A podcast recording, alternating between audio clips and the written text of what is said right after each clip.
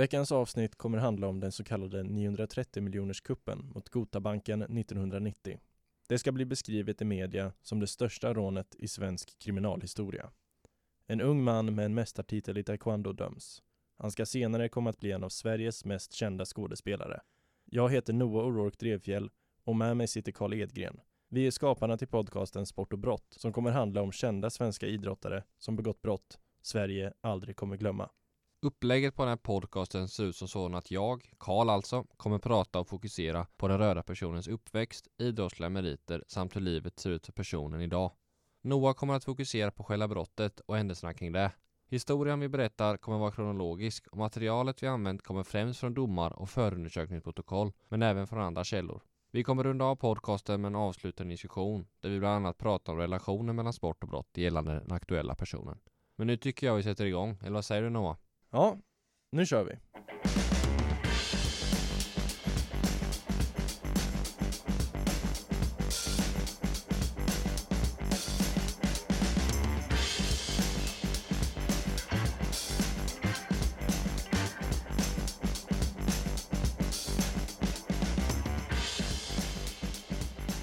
Den 5 november 1990 står en förare och väntar på att sina passagerare ska komma tillbaka till bilen.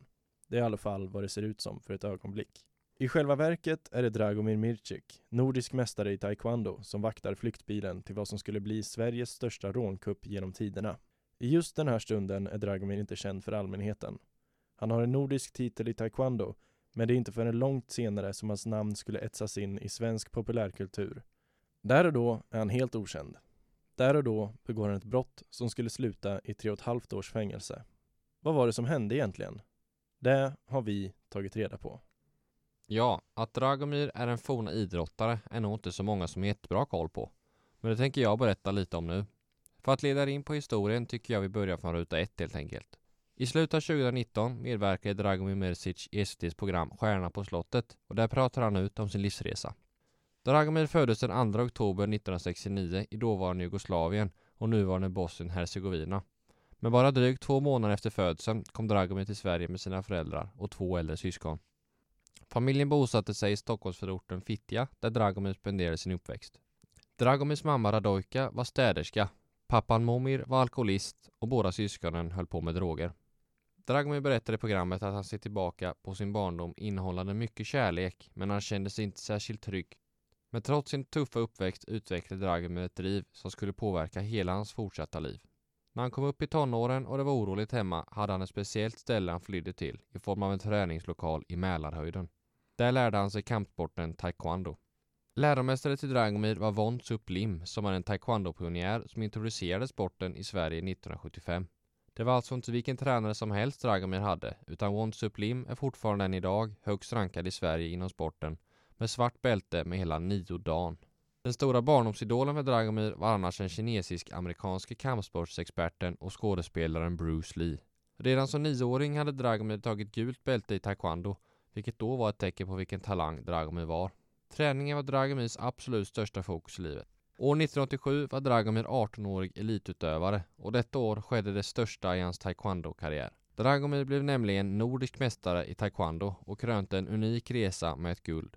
Här kan man tro att detta var början på en lång och framgångsrik idrottskarriär. Men så var inte fallet för Dragomir. Efter att han kom hem från mästerskapet var det fortsatt oroligt i familjen. När Dragomir var 19 år började han umgås och träna med personer som medier och myndigheter kallade för Örnligan. En av de personerna var Liam Norberg som han tränade och tävlade ihop med i svenska taekwondo-landslaget. En annan person han spelade basket med ibland och träffat på krogen var Mikael Bajdar. Det var den här trion som dryga två år senare, den 5 november 1990, skulle göra något som skulle bli en av de mest uppmärksammade händelserna i svensk kriminalhistoria någonsin.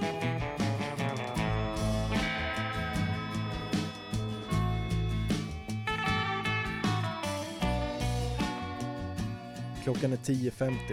En värdetransportsbil rullar in på Malmfaret i Stockholm. Bilen är på väg att leverera kontanter och värdepapper till Gotabankens intag. Två personer sitter i bilen, en passagerare och en förare. När föraren stannar bilen för att legitimera sig vid intagsluckan slår två unga män klädda i byggarbetskläder till. En av männen överfaller passageraren. Han är klädd i en blåsvart rånarluva med två hål för ögonen och är beväpnad med en pistol. Mannen hugger tag i passagerarens hår och slänger henne hårt i marken samtidigt som han riktar pistolen mot hennes tinning. Den andra mannen riktar i sin tur en pistol mot föraren. Även han har ett maskerat ansikte.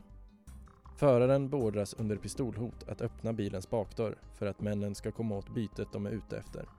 Här stöter de på problem.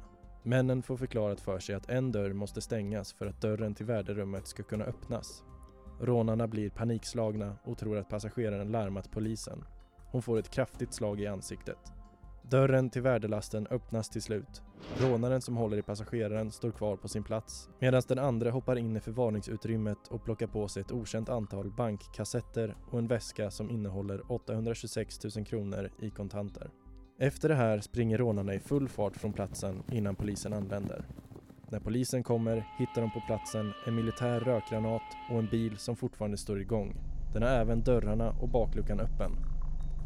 Bilen, som senare ska visas vara stulen, är strategiskt placerad intill en dörr där man genom ett trapphus kunde ta sig ut. Det här visar sig vara en högst effektiv flyktväg för rånarna. I trapphuset hittar polisen ett antal föremål som kopplas till rånet. På föremålen finns hårstrån som senare ska komma att spela en central roll för att få de inblandade dömda via DNA-teknisk bevisning. Det är Sveriges första fall som avgjordes tack vare den då nya tekniken.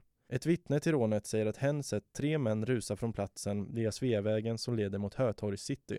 En av männen ska enligt vittnet burit på en blå bag. Det som stals vid rånet var kontanter, statsskuldsväxlar och riksobligationer. Efter DNA-analys och vad polisen kallar för tips från den undre världen dyker tre högintressanta namn upp. Liam Norberg, Mikael Bajdar och Dragomir Mircik som två dagar efter rånet åker på en jorden runt-resa. Resan gick via Danmark och kostade för samtliga 57 578 danska kronor och betalades kontant. Här finner polisen ytterligare bevis som stärker deras misstankar. Genom att titta på samtliga mäns deklarationer framgår att de inte skulle haft råd med resan med deras vanliga inkomster.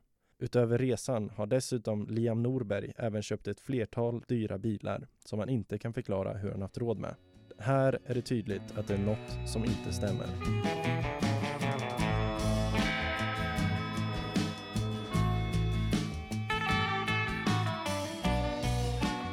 Det ska dröja ända fram till 1994 innan den blå bagen hittas. En amatördykare stöter på bagen i sjön med det passande namnet Gömmaren. Väskan var uppskuren och i den hittas emballage tillhörande rånbytet. Mannen larmar polisen som tar hand om väskan. När Dragomirs ekonomi granskas framgår det att han definitivt inte lever något lyxliv. Han jobbar svart på en städfirma och ibland som dörrvakt på krogar i Stockholm. Han har en årlig inkomst på cirka 120 000 kronor och bor hos sina föräldrar. Han äger en bil till värde av 140 000 kronor och är skuldsatt till över 160 000 kronor. I förhör säger Dragomir att han länge funderat på att resa jorden runt. De planerna skulle förverkligas 1989 då han påstår att hans pappa gav honom 50 000 kronor för att Dragomir vunnit en mästartitel. Pengarna lades undan och i november 1990, i samma tidsperiod som Gotabanken rånas, bestämmer Dragomir sig för att åka ut och resa. Resan går via Köpenhamn och väl där säger Dragomir att han helt oväntat stöter på Liam Norberg och Mikael Bajdar. Enligt Dragomir själv hade han inte någon aning om att de skulle vara på exakt samma plats vid exakt samma tid. Det här låter naturligtvis osannolikt och det tycker rätten också. De bestämmer att de ska åka till Bangkok tillsammans för att sedan gå skilda vägar. Sagt och gjort, men det ska bli ännu ett överraskande möte för Dragomir. Han träffar Mikael Bajdar igen, fast den här gången i Los Angeles och en tillgång på Hawaii. Vi hoppar fram ett par år i historien, närmare bestämt till den 8 april 1995. Då pratar Dragomir med Bajdar om vad polisen har för bevis mot dem gällande Gotabanksrånet. Dragomir har läst polisens förundersökning medan Bajdar påstår att han inte läst någonting. Nu kommer ni få höra en rekonstruktion av samtalet. Jag kommer representera Dragomir och Karl kommer vara Mikael Bajdar. Jag har inte fått läsa ett skit. Vad menar du? Inte ett papper har jag. Jag fick ju utredningen för fan tre veckor sedan. Jag krävde det. Vad står det då? Det står att de har hittat en tröja med mina hårstrån på, nio stycken. En jävla t-shirt med kapuschong. Jag fattar ingenting. Förstår du? Sen har de hittat byggnadskläder också. Ja. Och Helly Hansen-tröjor. Och en luva med bara dina hårstrån. De säger att det är mina hårstrån. Fattar du? Jag förstår ingenting. Och någon annan persons hårstrån finns också med. De säger att de hittat ett hårstrå från en luva. Ja, precis. Ett hårstrå. Fattar du? Du kan aldrig bli dömd för ett hårstrå. Det är helt orimligt. Det står det i papperna. För ett hårstrå. Nej, eller jo, det står ett hårstrå. Jag tror det står för dig faktiskt. För mig står det ett hårstrå och en annan person. Och så säger de till mig, vet du vad de har sagt till mig? Nej. Hur kan det vara ditt hårstrå och fragment från dig på den här luvan om du inte haft luvan på dig? Fragment från mig. Jag bara va?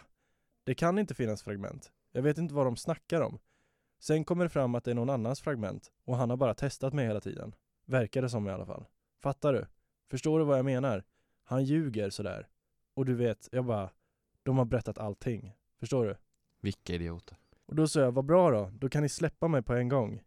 Så sa jag att jag inte vet någonting och jag vet inte vad de har sagt om sig själva. Men nej, det är därför vi ska ha dig kvar, säger de. För att de andra har sagt allting. I samtalet framgår det tydligt att Dragomir är orolig för DNA-bevisningen som åklagaren arbetar med. Samtidigt bevisar Mircic att han faktiskt känner Bajdar på mer än ett bekantskapsplan, något som han konsekvent nekat till i förhören tidigare. Det här samtalet var en del i bevisningen mot Dragomir. Tingsrätten slår hål på Dragomirs berättelse. De konstaterar att rånet mot värdetransportbilen planerats noggrant och med en stark karaktär av brutalitet. Rånarna fick med sig ett byte av 826 000 kronor i kontanter samt värdepapper. Totalt rör det sig om 930 miljoner kronor som på några minuter försvunnit spårlöst. Tingsrätten konstaterar att Norberg, Bajdar och Mircic omöjligen kan ha lett det liv de har gjort under åren som de levt på flykt med lagliga medel. Deras deklarationer matchar helt enkelt inte antalet pengar de gör av med på bilar, resor eller annat. Förutom det här binder DNA-bevis Dragomir till rånet. Det råder ingen tvekan. Han har varit delaktig och medveten om vad han har gjort. På senare dagar har Dragomir sagt “Jag vaktade bara flyktbilen” och det var precis det han gjorde.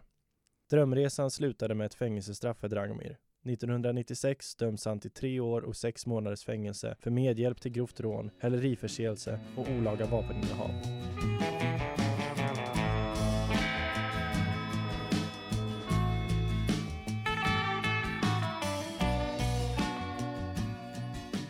Så hur ser Dragomirs liv ut idag då? Cirka 20 år efter att han fick komma ut från fängelset igen. Ja, man kan minst sagt säga att han varit igång med mycket. Efter fängelsestraffet började Dragomir plugga på idrottskonsulentlinjen på Bosön. I samband med detta utbildade han sig även till tränare i Sveriges olympiska kommittés topprogram samt för svenska landslaget i taekwondo.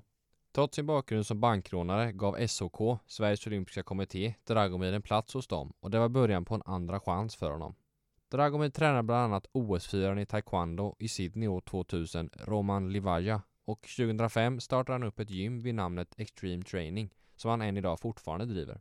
Resan mot det han är allra mest känd för idag, skådespeleriet, började år 2007 när han gick på en audition i Josef Fares film Leo. Han fick rollen och det var starten på en mycket framgångsrik skådespelarkarriär. Hans genombrott på vita duken blev för hans roll som torpeden Mrado i Snabba Cash som kom 2010. Senare i karriären tog han sig även till Hollywood där han arbetat ihop med Tom Cruise bland annat. Dragomir släppte 2014 en träningsbok med berättelser om uppväxten i Fittja och om filminspelningar över hela världen. Sedan 1992 är han tillsammans med PT-tränaren Isabella Alonso och de har en dotter och en son ihop. Om vi ska ta en liten avslutningsdiskussion om fallet Dragomir då. Relationen mellan sport och brott kanske inte riktigt är glasklar för många av våra lyssnare, eller hur Karl? Men eh, det finns ju faktiskt en koppling där. Mm, det tycker jag absolut. Ja, men just i det här fallet så blir det ju lite Just för att Dragomir, han eh, Det är ju i och med sporten som han träffar de här Örnligan och Liam Liam då framförallt som eh, han då tränar och eh, eh, tävlar ihop med i svenska taekwondo-landslaget. Mm. Så det går ju att säga att om man kanske inte hade börjat med taekwondo då vet man ju inte om man hade träffat de här uh, Ja men Liam då och i, i förlängningen Bajdar. Eh, Eh, men ja, samtidigt är det jättesvårt att säga men ja, på ett sätt så blir ju det relationen i det här fallet. Inte vad du säger där. Ja men alltså i alla fall nu, alltså det är ju såklart att eh, det var ju en hjälp eh, genom att han träffade Liam som var uppenbarligen eftersom han har begått flera värdetransportrån och flera bankrån så har ju han spelat en central roll i planeringen av det här rånet verkade som i alla fall. Så utan taekwondon ingen Liam Norberg och ingen Liam Norberg inget Gotebanksrån. Så det är ju en, en eh, koppling, eh, absolut tycker jag.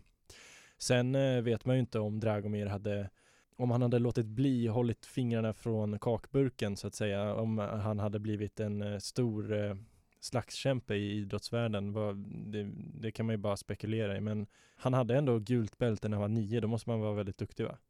Ja, det har jag fattat det som också. Eh, och det är ju intressant det liksom hur hans idrottskarriär hade kunnat bli om han inte hade kommit in på de ja, kriminella spåren här nu då. Ja, det går ju bara att spekulera, men samtidigt en nordisk mästartitel när han är 18, då är han ändå högt upp i Norden och eh, nästa steg är väl att ta en europeisk titel då såklart. Jag vet mm. inte, inte jätteinläst på just den konkurrensen på den tiden, men visst med den viljan som man ändå visade och vad man har fått när man har läst på här så tror jag definitivt han hade kunnat ja, men vara med i en topplacering i Europa definitivt om mm. man hade lagt sin eh, ja, men fulla kapacitet där då. Men det var ju då det här inblandningen med Liam och de här som gjorde att koncentrationen lades på lite andra saker. Men ja, som sagt, det hade varit väldigt intressant att se och man vill att prata med honom själv kanske och se om han också vad han hade kanske kunnat tro om man, ja men ångrade det här liksom om man hade kunnat göra om, om mm. man hade gjort på ett annat sätt. Han kanske rent av hade kunnat bli en föregångare till Alexander Gustafsson i UFC, alltså om han hade gått in i, jag vet att Pride var, ett, eh, var en eh, organisation som höll igång eh, MMA-scenen i USA.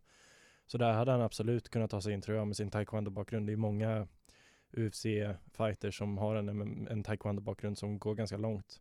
Samtidigt när han kom ut och Dragomir, mm. så fort han kom ut av fängelset så la han ju faktiskt kraft på att komma tillbaka in i ja, men taekwondo-världen då när han var landslagstränare för svenska ja, taekwondo-landslaget då mm. och sen att han tränade OS-fyran då Roman Livaja i Sydney år 2004 mm. eller år 2000 ska jag säga förlåt och det säger ändå rätt mycket att han faktiskt, ja men lite det att nej men nu, nu går vi tillbaka till mm. att han faktiskt hade saknat det inne i fängelset mm.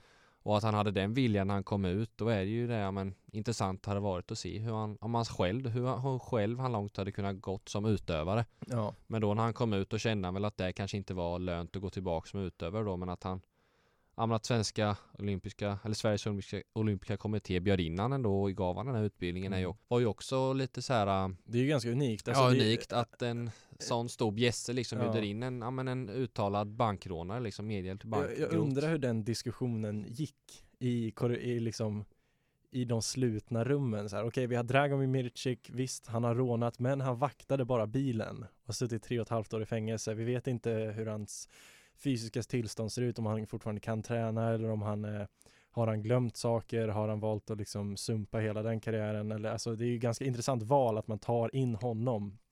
Jag menar Torsten Flink får inte ens delta i Melodifestivalen för att han är misstänkt för, eh, för eh, eh, vad var det nu han var misstänkt för? Jo, det var att han hade slagit eh, en eh, eh motorhuv på en bil. Och då blir han diskad från Melodifestivalen för att han är föremål för brotts eh, för ett brottsmål. Men en dömd rånare, det är liksom, då, då, då kan man ta in honom på Sven, Svenska Olympiska Kommittén. Det är rätt intressant, alltså hur tiderna förändras. Nej, det blev, jag läste att det blev väldigt omtalat då när det här skedde, men eh, Sveriges Olympiska Kommitté, de såg en sån potential i han mm. tydligen, det här att de ger han den här chansen då och eh, ja, här nu på, i slutändan så blev det ju lyckat. Det går inte att säga någonting Nej. annat liksom och det Han har inte fått något återfall vad vi vet i alla fall liksom Nej, på det ja, sättet. Jag har sett någonting att han har varit i något något bråk någonstans utifrån några krogar och sånt. Men det är ingenting så här, han har inte planerat något nytt rån vad vi vet. Men han har däremot inte heller sagt vad som hände med pengarna. Det håller han väldigt tyst om nu. Eh, han, han, han, tar ju avstånd från det i varje intervju. Det vill jag inte prata om, det vill jag inte prata om. Så frågan är om han eh, en dag, nu är de sedlarna kanske kaputt eller om de har växlat in dem, men eh, frågan är om en dag när det blåser riktigt kalla vindar för hans ekonomi att han kanske åker ut till någon skogsdunge i Solna eller något. Men eh, ja, alltså det är ju, och sen har han ju gjort karriär på att vara en liten bad guy. Alltså han, varje film han har varit med i har han varit lönnmördare eller någon boxningstränare eller något sånt här. Ja men en hårding som man inte ska jävlas med i onödan. Så jag skulle säga att hans karriär nästan har gått uppåt. Hans aktier har gått upp efter rånet. När han har, nu är han inne liksom i stugorna, i, i folkhemmet nästan, om man får uttrycka sig så. Att det Ja men vill man se en svensk film, eller vill man kasta en svensk bad guy i en film, då tar man Dragomir Mircik. och det var ju artiklar när Snabba Cash kom ut liksom att han har faktiskt begått brott på riktigt. Va? Är det sant? Vi har en dömd bankrånare med i filmen. Det, det är som att det är sju, att verkshöjden bara går upp då. Det tycker jag är väldigt intressant och roligt på samma sätt som det är tragiskt för att det finns ju säkert duktiga skådespelare som inte har något i belastningsregistret som skulle kunna göra den rollen minst lika bra. Men det är, ja. Jo men så är det, men man undrar ju verkligen vad han hade varit skådespelarmässigt idag om man inte hade varit med i rånet liksom och samtidigt då om man inte hade gjort rånet då tror ju jag ändå att han hade då hade han ju fortsatt med taekwondo-karriären ja. liksom och inte gjort den här auditionen för eh, Josef Fares film där Leo då kanske utan då hade han mm. kanske varit mitt uppe i Men samtidigt går det ju bara att spekulera och han Han hade ju Bruce Lee som sin största förebild mm. och han var ju skådespelare också så att På så sätt så slöts väl cirkeln då efter fängelset att han blev faktiskt skådespelare också men eh, Nej jag kan bara tänka mig att eh, regissörer och sånt här som plockar in eh, skådespelare att han faktiskt hade gjort ett så allvarligt brott liksom och hade den så tror jag ändå det gynnade han nog bara mer än att missgynna han faktiskt. Det kan mm. vi nog faktiskt slå fast. Och på samma sätt som Bruce Lee sluter cirkeln för Dragomir Mirciks karriär så avslutar vi det här samtalet genom att säga det här var första avsnittet av Sport och brott med mig Noah O'Rourke Drevfjell och Carl Edgren. En produktion som har skett på Linnéuniversitetet i vårt tredje och sista år här. Vi hoppas att ni har tyckt om den här produktionen och att ni fortsätter lyssna på oss nästa fall. Hej då!